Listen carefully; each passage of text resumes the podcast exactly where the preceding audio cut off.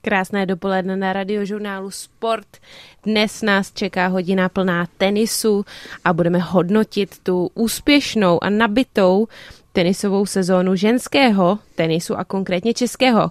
Koho lepšího si k tomu přizvat, než bývalou českou tenistku, dalo by se říct i legendu Lucii Šafářovou a já ji vítám u nás na lince. Ahoj Luci. Dobré, ahoj, dobré dopoledne. Děkuji, že jsi si našla eh, v nabitým dopolední čas a využiju eh, ten začátek k tomu, abych se tě zeptala, jak moc vlastně vnímáš, sleduješ a kontroluješ tu sezónu Češek v průběhu roku a co říkáš na tu letošní? Tak já myslím, že byla zase úspěšná, kontroluju, jak se dá, se dvěma malýma dětma, takže uh, asi se mi nestalo, že bych nějaký zápas zkoukala od začátku do konce a neodběhla někde, ale uh, buď tam máme puštěný doma hokej nebo tenis, takže, takže se díváme, sledujeme a uh, samozřejmě fandím Češkám, protože je to krásný sledovat, že máme takovou úspěšnou další generaci uh, mladých tenistek a teď nemyslím jenom těch světových, ale myslím, že i těch, i těch mladších na těch juniorských kategoriích, takže, takže je to skvělý a kež by to takhle vydrželo i do budoucna. Ty jsi se letos sama trošičku uh, připravovala tenisově na uh, vlastně uh, turnaj legend v Lucembursku, takže jsi se dostala zpátky uh, na kurty uh, na pár dní, na nějaký trénink. Dostala jsi se k tréninku s nějakou českou novou nadějí? Uh, trénovala jsem vlastně uh, na Spartě párkrát, uh, jednak vlastně s, se dvěma vlastně nadějemi, když to tak řeknu, s Kovačkovou a s Havlíčkovou a musím říct, že obě holky uh, jsou moc šikovný a dali mě pěkně zabrat. Dá se vůbec porovnat to, eh, jak vlastně eh, bys dokázala navnímat to, jak hrajou oni a v porovnání s tím, když třeba si v jejich věku hrála ty, jestli ti ten tenis přijde třeba rychlejší, agresivnější, fyzičtější, nebo ti to přijde srovnatelný, protože ty sama si samozřejmě hrála velmi agresivně a, a dynamicky a byla si fyzicky připravená, takže jsi určitě člověk, který to krásně může posoudit. Tak um, já si teda jako osobně myslím, že ten tenis jde pořád dopředu a pořád se to jako zdokonaluje, zrychluje. Myslím, že to je jako obecně trend ve sportech. Um, čím to je, je to jako, že máme jako, jsme prostě pokročilejší si myslím ve všem, i vlastně o kondici, o regeneraci, toho víme víc. Hodně se tam teďka už zapojuje i mentální stránka do všeho, takže... Každopádně zeptala bych se jí tedy dál na to, jak vlastně um, reaguje teda na to, že v tomhle pokročilém uh, stádiu se stejně objevují strašně moc ty zranění. A vlastně Lucka sama se zraněním má uh, zkušenost má velikou. Tak jak to vidíš? No, tak já jsem opravdu byla hodně zraněná, hlavně uh, v počátku té kariéry. A myslím si, že opravdu už teďka uh, ten tenis je tak rychlý, tak fyzický a uh, je to tak jako na hranici uh, těch fyzických možností, že opravdu ty zranění potom tam s tím jsou asi spojený. I to, jak teďka vlastně začínají zpomalovat ty tenisové míče, které jsou daleko těžší, tak to pak tím právě trpí jako ramena, zápěstí, a takže myslím, že, že to tady tohle je tak trochu důvod těch eh, častějších asi zranění. No. Mm-hmm. A já narážím samozřejmě na to, že třeba letos ve Fed Cupu chyběla Karolína Muchová, loni tam chybělo několik hráček v tom týmu na konci sezóny, kdy už jsou ty holky opravdu takzvaně dodělaný, různě pozraně, pozranění. A mě by zajímalo, jak vlastně vnímáš eh, tu změnu toho formátu Fed Cupu, že se to hodně změnilo doby, kdy ty si získávala pro Českou republiku tituly? Tak eh, já to vidím jak z té strany jako těch hráček, tak z té strany uh, těch organizátorů trochu. Uh, já teda osobně, my obě vlastně jsme zažili Fed Cup v Outu aréně, jak mhm. byla naprosto úžasná atmosféra a vlastně v tenise máme velmi roztříštěné to publikum, protože pořád cestujeme po celém světě a ten Fed Cup byl tak nějaký naše jediná, kromě pražského turné, samozřejmě možnost hrát pod zaplněným publikem, který faní jenom nám, takže tom to bylo strašně, mělo to své velké kouzlo a teď, když vlastně sleduju, když je to pro všechny ty týmy na jednom místě, tak trošku tady to kouzlo ztrácí a přijde mi to samozřejmě škoda. Na druhou stranu vím, jak to bylo složité, když člověk měl třeba v půlce sezóny letět do Číny nebo do Austrálie, takovou obrovskou dálku vlastně jenom na ten, jenom na ten Fed Cup, na ten jeden víkend. Takže to bylo taky pro ty hráčky jako obrovsky náročné. Nicméně v letošním Fed Cupu se ukázal možná už naposled a možná taky ne tým Syňaková Krejčíková. Luci, jelikož tě mám zpátky na drátě, jak moc tě překvapilo to, že se po tolika sezónách vlastně holky rozhodly tu spolupráci ukončit, pozastavit, přerušit?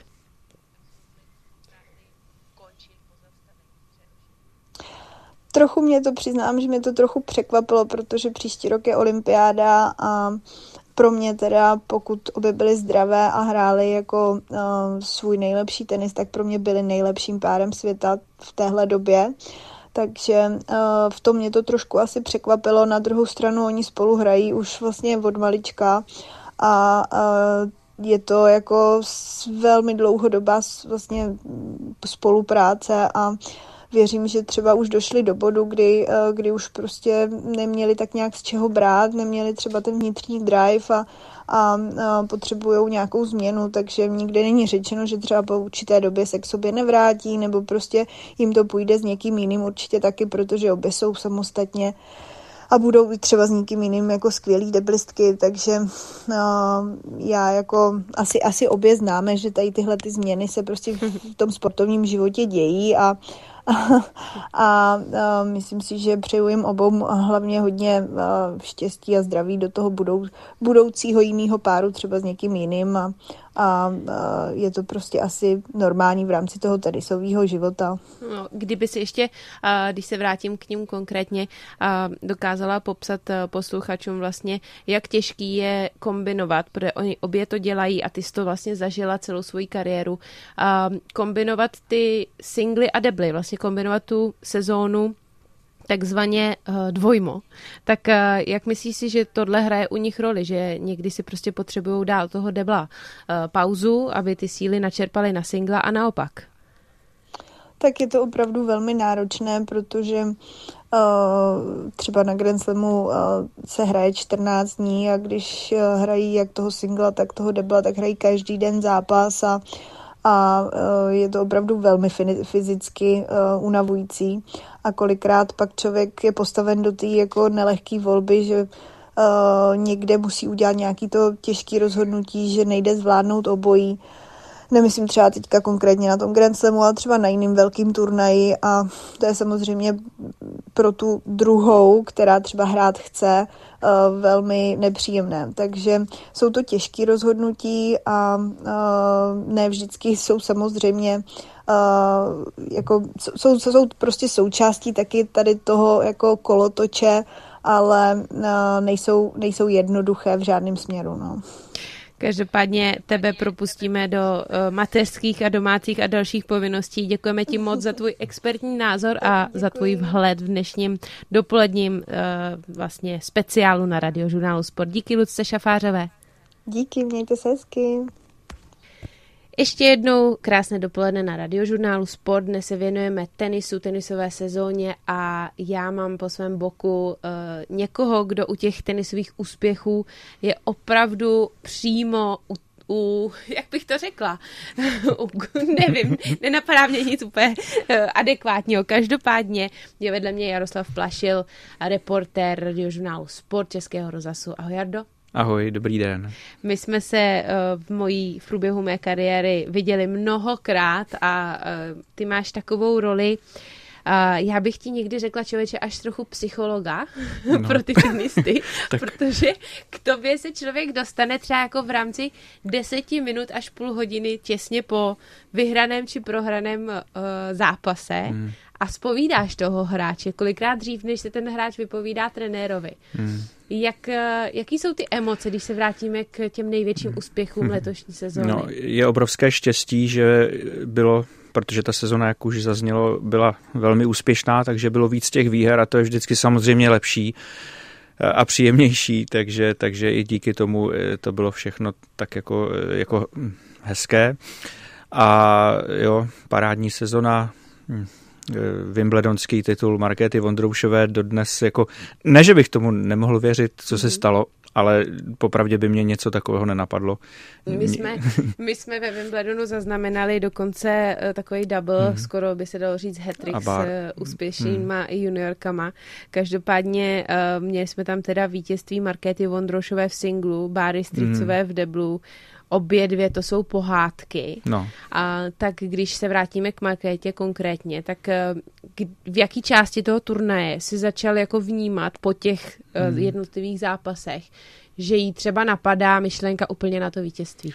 Když vypadla Ika Švonteková, tak jsem si řekl, že si proto půjde, Aha. protože už tam byla, při vší úctě k těm soupeřkám, tak už tam zbývala Jelina Svitolinová, pak když se to tak sešlo, on z Žaberová a to jsou hráčky, které Markéta Vondroušová porazila předtím, hmm. myslím si, že i opakovaně a myslím si, že i ona sama musela cítit uvnitř velkou šanci. Ale samozřejmě ono se o tom takhle na veřejnosti ano. nemluví, ale tak eh, přišlo mi to, že jsem z ní měl ten pocit, že, že i to všechno zvládla v klidu i díky tomu, že, že fakt jako si věřila. Ona vlastně před turnajem nevyhrála nikdy ani hmm. kolo na Wimbledonu. Hmm tak eh, jak by si vnímal pro vlastně průběh té její formy nebo nějakého psychického nastavení, že jo, po prvním kole asi byla překvapená, že vůbec vyhrála, mm.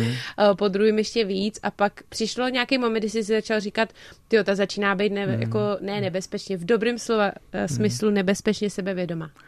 No, Přišlo mi, že si začala na trávě věřit, že si vyzkoušela, že to jde, že i se svou hrou může být úspěšná. Možná paradoxně k tomu pomohlo to, že nebyla úplně fit, že měla nějaké potíže od začátku s kotníkem a že musela i tudíž tomu uspůsobit trošičku hru, což říkal Jan Hernich, trenér, že Markéta eh, Vondroušová mnohem víc eh, do toho šla, že byla agresivnější, tím zvládla rychleji své zápasy, ušetřila možná nějaké síly na začátku, což se jí pak hodilo zase v konci, protože potřebovala přebojovat i v, asi jeden z nejtěžších zápasů, tam byla kombinace dvou Marie Bousková, takové to nervózní derby mm. a, a pak Jessica Pegulová, to byl zápas, který otáčela, který už mm. byl trošku ne úplně prohraný, ale, ale prostě musela tam přijít i nějaká ano. pomoc třeba od soupeřky. Ano.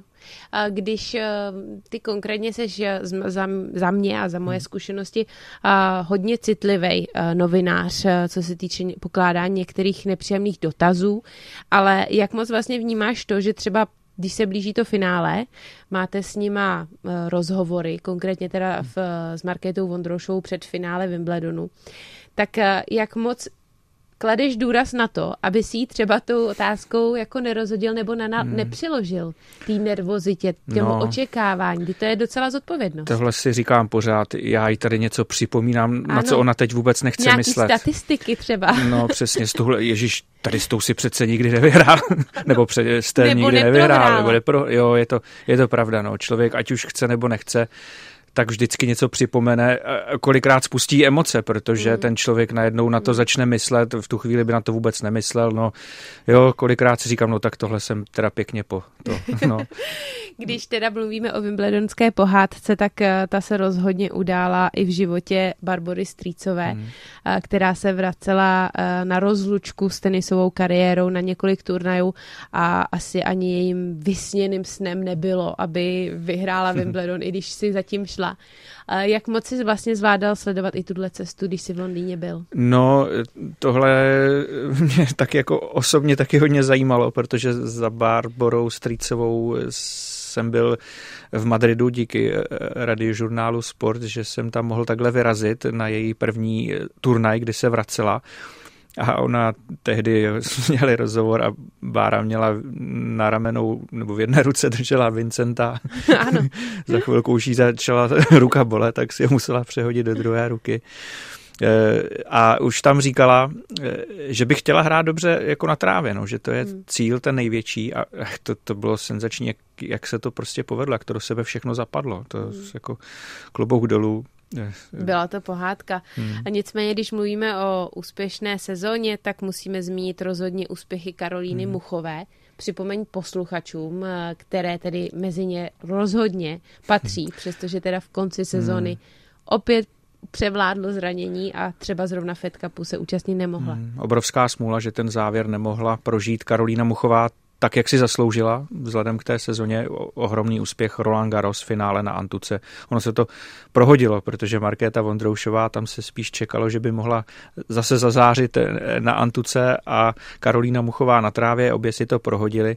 Karolína Muchová hrála mm, fantastické Roland Garros na to, že ještě byla nemocná, měla problémy s dýcháním, z hodně podobného důvodu Jelena Rybakinová odstoupila z turné, Karolína Muchová to dohrála až do konce a nebyla daleko od úplné výhry, tak to bylo fantastické, ale ještě víc než to finále, tak já jsem ocenil to, jak si Karolína jako dokázala získat publikum neuvěřitelně. Nepamatuju, že by se někdy české hráčce v poslední době povedlo tak jako pro sebe strhnout publikum. Francouzské, Francouzské publikum. hodně náročné, přející hodně hlavně domácím až tak jako militantním Aha. způsobem a ta Karolína je jako strhlá k tomu, eh, jako Čím? Při, tou svou hrou pestrou, tou, že oni že baví. Mm, že baví. Já, já jsem třeba i na US Open, kde byla pak v semifinále, taky další ohromný úspěch, tak mě tam říkal kolega, hele, já jsem včera mluvil s maminkou a ona říkala, ta, ta, ta Karolína, ta hraje, to, to je jako když jsme my hrávali, hmm. jo, a fakt, fakt jako hodně lidí si získala tady tím. No. Hmm. Když zmiňujeme úspěchy všech těchto těch eh, nových men, eh, ne úplně nových, ale za poslední sezony, eh, znamená to, že těm legendám a obrovským jménům, jako je Karolina hmm. Plíšková, Petra Kvitová, no, tak tím bych asi skončila z téhle hmm. generace, že jim trošičku odzvonuje, že hmm. možná můžeme čekat poslední sezóny? Eh, netroufám si takhle nikomu to, to, to takhle ukončovat. Eh, z mého pohledu jako eh, bylo obdivuhodné v téhle sezóně, že Petra Kvitová dosáhla na dva tituly, jako hmm. ještě navíc na v Americe, kde, kde, ano. kde, kde se jí nikdy nedařilo moc v tom prostředí. Takže to jako klobouk dolů a mně spíš bylo líto, že se jí to nepovedlo na těch Grand Slamech, protože pro ní eh, v té fázi kariéry je to priorita hrát dobře na těch velkých turnajích, eh, na těch největších turnajích. No. Netro... Já, já si hlavně přeju, aby obě dvě eh, byly šťastné, i, i jako potom, až přestanu hrát tenis, což ano. je asi jako teď nejzásadnější, ale zároveň bych jim přál, aby, jestli o to ještě stojí, tak aby se jim ještě něco hezkého povedlo. No, úspěchů máme um, spousty a velkých ambic do příští sezóny také. My o tom budeme dneska ještě pokračovat, ale vás posluchači bych vyzvala, abyste nám zavolali vaše dotazy, poznatky na telefon 221 552 156 a budeme se na vás těšit už po písničce na radiožurnálu Sport. Na radiožurnálu Sport dnes povídáme o tenise, máme tady tenisový speciál a se mnou ve studiu je kdo jiný než tenisový reportér radiožurnálu Sport Jaroslav Plašil. Jardo, pojďme se podívat na konec sezóny, konec konkrétně VTA tury a hmm. to do, na Masters, do Mexika, do Cancúnu. Já se usmívám, protože jelikož můj manžel pro ženskou tenisovou asociaci VTA hmm. pracuje ve vysoké pozici, tak jsem to měla uh, takzvaně živě. Hmm, potkal jsem ho tam taky. no, takže by mě zajímal vlastně tvůj zážitek hmm. z Mexika, uh, jak to tam v tvých očích hmm. vypadalo, uh, čím jste si tam prošli, hmm. i vy vlastně z pozice novinářů. No tak uh, pro mě to nebylo nic jako nějak obtěžujícího, protože jsem tam jel kvůli práci, i když samozřejmě nakonec to tu práci dost komplikovalo, protože člověk se tam pořád ani nemohl pohybovat, jak by chtěl, vzhledem k tomu, jak silně tam třeba foukalo, jak moc kolikrát pršelo, že ani autobusy eh, nemohly jet, kudy chtěli. Eh, takže jo, mělo to i vliv nějaký na práci, protože tenistky ani netrénovaly, čekali na hotelu, až se umoudří počasí, takže z tohoto důvodu jo, ale já jsem ten poslední, kdo by si tam asi měl na něco eh, stěžovat, protože já jsem tam nemusel hrát tenis, což bylo to nejzásadnější. No, ale těch dojmů je celá spousta, celá řada od těch prvních, eh, kdy jsem přiletěl eh, na letiště, teď tam jsem viděl ty pokřikující Mexičany taxíky, lákající, což mě připomínalo třeba cesty do Indie, jak, jak tam se snažili nalákat někoho a tak dál. A hned jsem si říkal, jo, jsem tady prostě v turistické destinaci u moře, paráda, to bude nádhera, sluníčko, to bude, to bude úžasné, teď do toho ten tenis, no a pak to bylo všechno trošku jinak. No. Období dešťů samozřejmě nepomohlo hmm. organizaci turnaje, nicméně já vím, že vlastně se to hodně měnilo na poslední chvíli VTA Masters neboli finále se mělo dít eh, po dobu pěti hmm. let eh, v Shenzhenu v Číně. A to se měnilo kvůli covidu hmm. na několik let. Eh, Masters se stěhovalo do Mexika, do Ameriky a letos mělo být zpátky v Shenzhenu. Nicméně to se měnilo. Několik týdnů, 6 až 8 týdnů předem se o tom VTA dozvědělo, že Shenzhen se konat nebude a začalo řešit vlastně kde jinde hmm. to zorganizovat, akci, na kterou se většinou chystá uh, pořadatel i třeba rok až dva. Uh, jak si ty vnímal to rozhodnutí jít tedy do Cancúnu, hmm. do Mexika? No, já jsem si to měl takový pocit, že už jako eh, byla WTA zahnaná do kouta a že už moc jako řešení neměla eh, jako v zásobě, no, protože eh, jak, jak Andreo říkáš, no, taky jsem z toho měl i pocit s Martinou Navrátilovou, když jsem o tom mluvil, tak ona to takhle vlastně popisovala, že zřejmě podle jejího názoru tam dost dlouho se počítalo s tou čínskou variantou a najednou jako asi se zjistilo, že to je jinak. Teď se začala hledat nějaká další možnost a teď tam že padala Saudská Arábie, což asi by narazilo na nějaký odpor některých legend možná a tak dál. No a teď co dál a z nějakého důvodu třeba se jako nezamlouvala Ostrava, nevím, ne, ne, neznám ta rozhodnutí, nebyl jsem u toho, ne, takže, takže už toho moc nezbývalo a vybralo se, vybralo se venkovní prostředí v Mexiku z mého pohledu nešťastně ale teď už asi to vědí všichni, no, že to nebylo úplně ideální. Ano, přesně tak. Ano, ve hře bylo spoustu hráčů od uh, Saudské Arábie, kde třeba jednou Masters ještě bude hmm. a nejspíš na to potřebovali více času to zorganizovat do úrovně, kterou bychom od nich mohli hmm. čekat. A připravit na to samozřejmě také veřejnost, že by taková země chtěla pořádat eh, vrcholný hmm. uh, event ženského sportu. Nicméně šance tam jsou, předpokládám. Ostrava byla ve hře, hmm. problémy byly s, vlastně s tím, aby se do České republiky dostali Rusky, protože hmm. jsme v létě zažili vlastně potvrzený turnaj v Praze, kam Rusky nakonec eh, Česko nepustilo. Takže to bylo takové eh, velmi náročné rozhodnutí. Nicméně Cancún slíbil, že se bude hrát vevnitř, a hmm. že bude aréna, která nakonec nebyla a na poslední chvíli se musel stavět kurt eh, na golfovém hřišti, hmm. na písečné podložce. Ty, když jsi dorazil do Cancúnu, už byl Kurt hotový? Jak vlastně si vnímal to, jak hmm. moc si ty hráčky mohly zahrát a jak moc na nich byla vidět ta frustrace?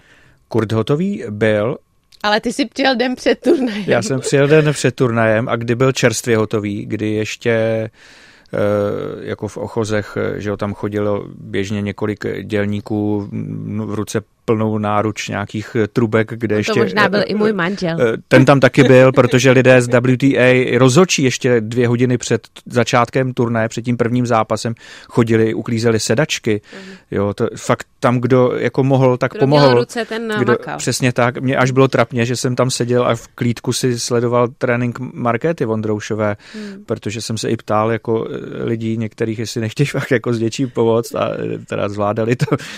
A, ale jo, no, bylo znát, že se to dělá všechno, jako že tam každá minuta hrála roli, že to všichni chtějí stihnout, tam pracovali i v noci.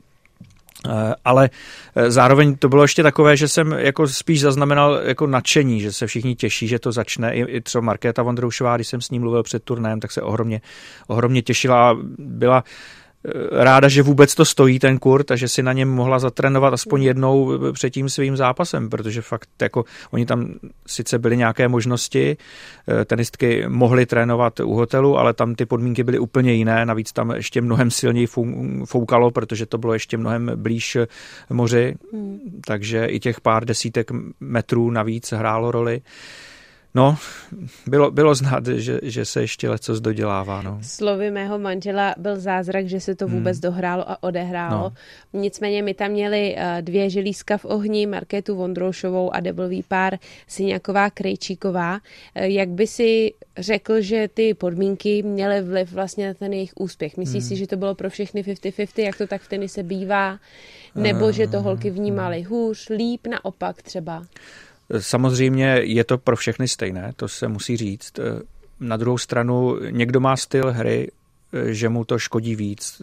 To je to jako asi tak je, protože třeba zrovna Markéta Vondroušová je typem tenistky, která potřebuje, aby se hrálo. Ona jako potřebuje dlouhou výměnu, jo, aby si mohla to nějak režírovat. A teď jako ona, když dostane balonek, který se ve vzduchu zastaví a jde, jde zase od ní, tak jako těžko eh, pak eh, jako může s tím něco dělat a věřím, že se to dostane pod kůži a když ještě se k tomu přičte to, že třeba ona eh, v podstatě předtím nemohla trénovat, protože měla problémy s loktem a teď najednou naskočí do turné, kde čelí těm nejlepším hráčkám, tak a ještě ten vítr a, a ten povrch, který nebyl úplně rovný, odskakovalo to všelijak. Tedy se to všechno sečte, tak eh, je to ohromně těžké, aby to člověk ustál a aby se mu to nějak jako nedostalo pod kůži, ještě když třeba prohrává v tom hmm. zápase. No. Jak by si hodnotil eh, vlastně zásah eh, Krejčíková Syňaková hmm. do deblového uh, turnaje na hmm. Masters WTA? No, tam si myslím, že eh, českým tenistkám rozhodně nepomůže to v tu chvíli, že se hraje tím systémem no ad, kdy, kdy každý ten bod po schodě je ten poslední. Eh, tam si myslím, že to spíš hmm. svědčí těm, těm střelkyním eh, trošičku na náhodu ano. hrajícím.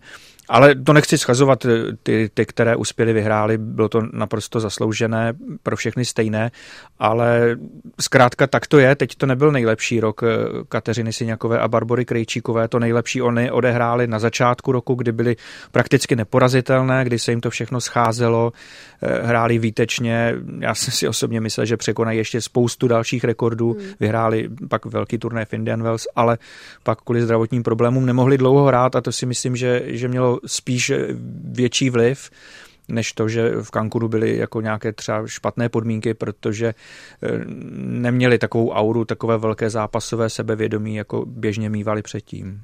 Všechny tři želízka eh, v ohni z Cancunu cestovali přes celý svět, aby se účastnili Fed Cupu ve španělské hmm. Seville a o tom si budeme ještě dnes na radiožurnálu Sport povídat s Jaroslavem Plašilem, eh, reportérem radiožurnálu Sport a Českého rozhlasu. A vás vyzývám ještě jednou, zavolejte nám na 221 552 156 a ptejte se na cokoliv, co vás na tenisové sezóně 2023 zajímá. A dostáváme se nejenom eh, k konci našeho dnešního speciálu, ale i ke konci sezóny, která zakončila Česká republika, řekla bych, celkem uh, důstojně, velmi důstojně v semifinálové hmm. účasti na Fed Cupu, Billie Jean King Cupu v Seville.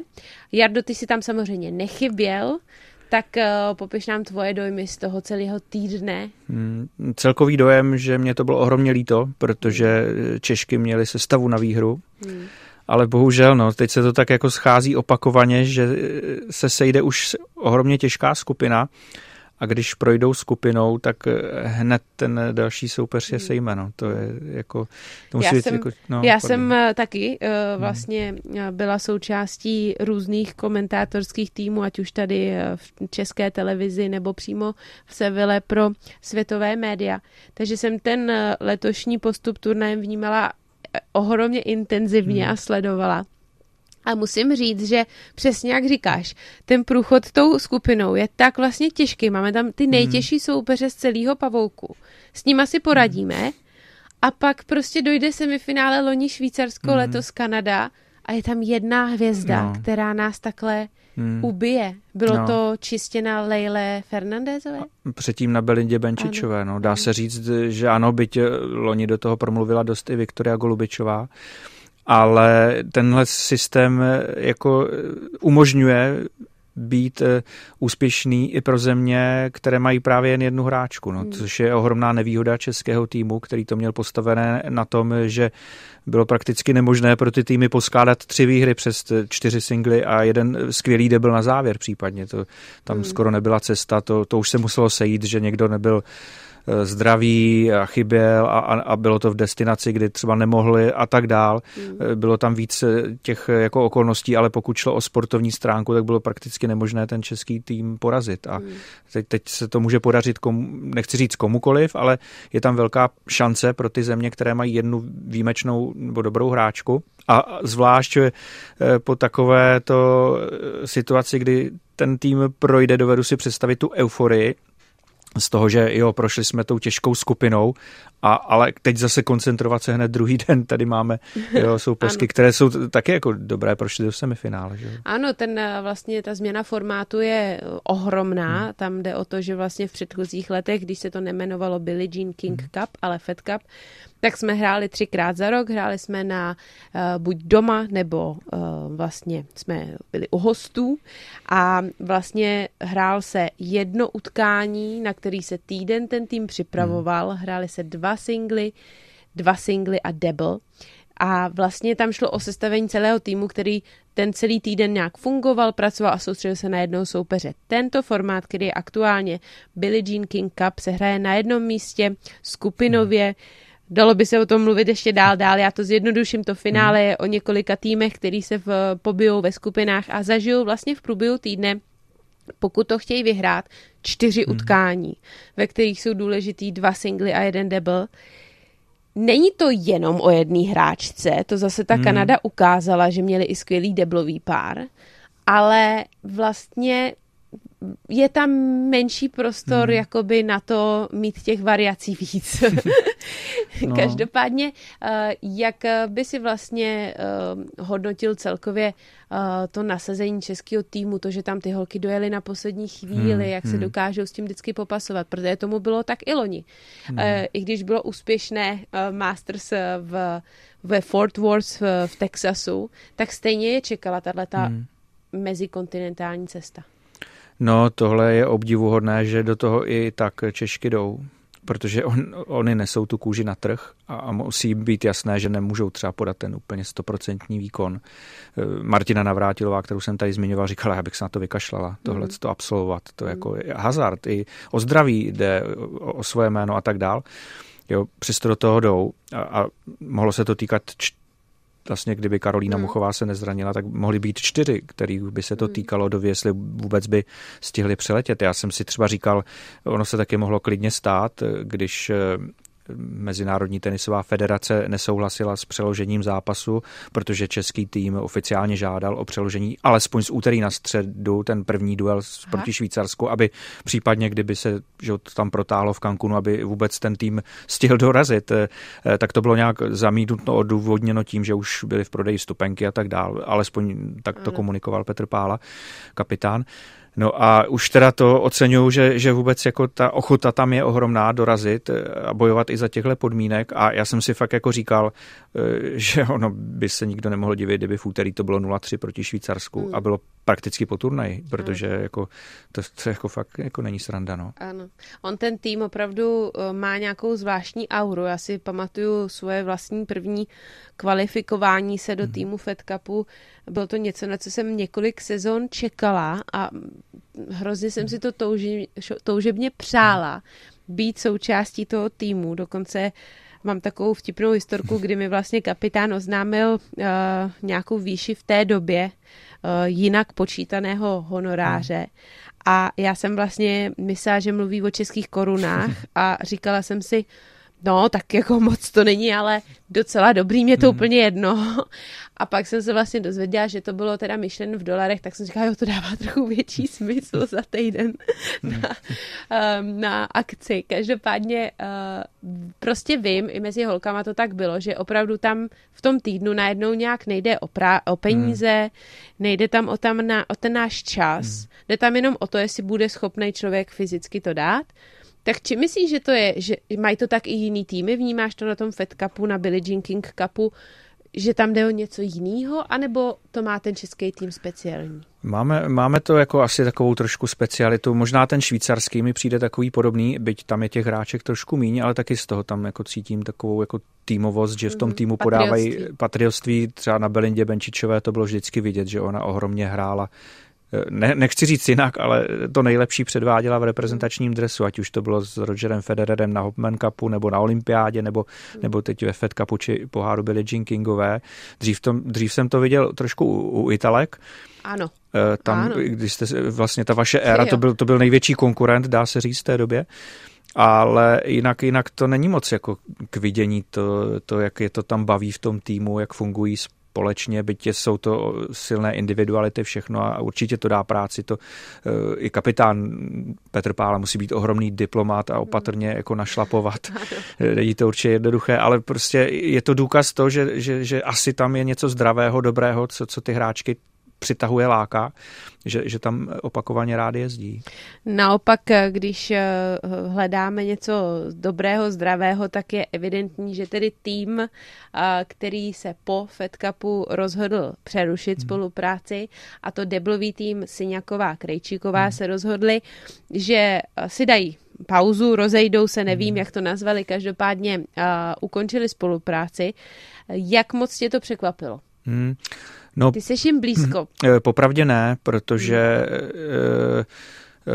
uh, ono už to tak jako bylo naznačováno kolikrát, ale jako z nějaké, jako nechci říct, kolegiality, lidskosti nebo tak, tak, tak jsme tím hráčky nechtěli nějak zatěžovat v průběhu toho Billie Jean King Cupu ale už tak nějak jako eh, bylo zřejmé, že, že jako něco, ne, jako ne, že by to bylo poznat na jejich výkonu tam, to naopak, tam fungovali bezvadně, duel s Američankami byl jako skvělý a s Kanadou no, zkrátka prohráli, ale nebylo to, že by na sebe eh, byli naštvané nebo něco, já jsem naopak viděl, že jsou jako ohromně semknuté, že bojovali, ale už, už jako nepřekvapilo mě to, protože ty výsledky nebyly takové jako dřív.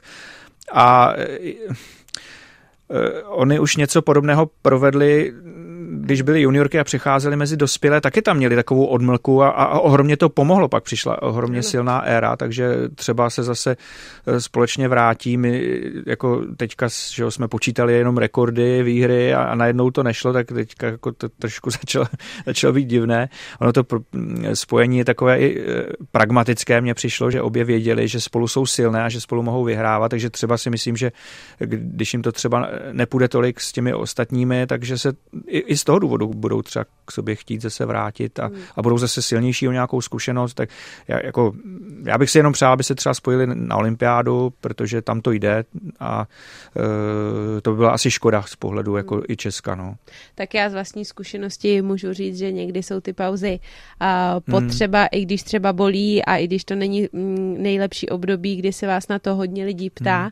Nicméně e, jejich spojení, jejich partiáctví a jejich e, systém na kurtě je něco, co už mají pod kůží, takže musím říct posluchačům, nebojte se, kdyby se vrátili k sobě mm. i jenom na tu olympiádu, mm.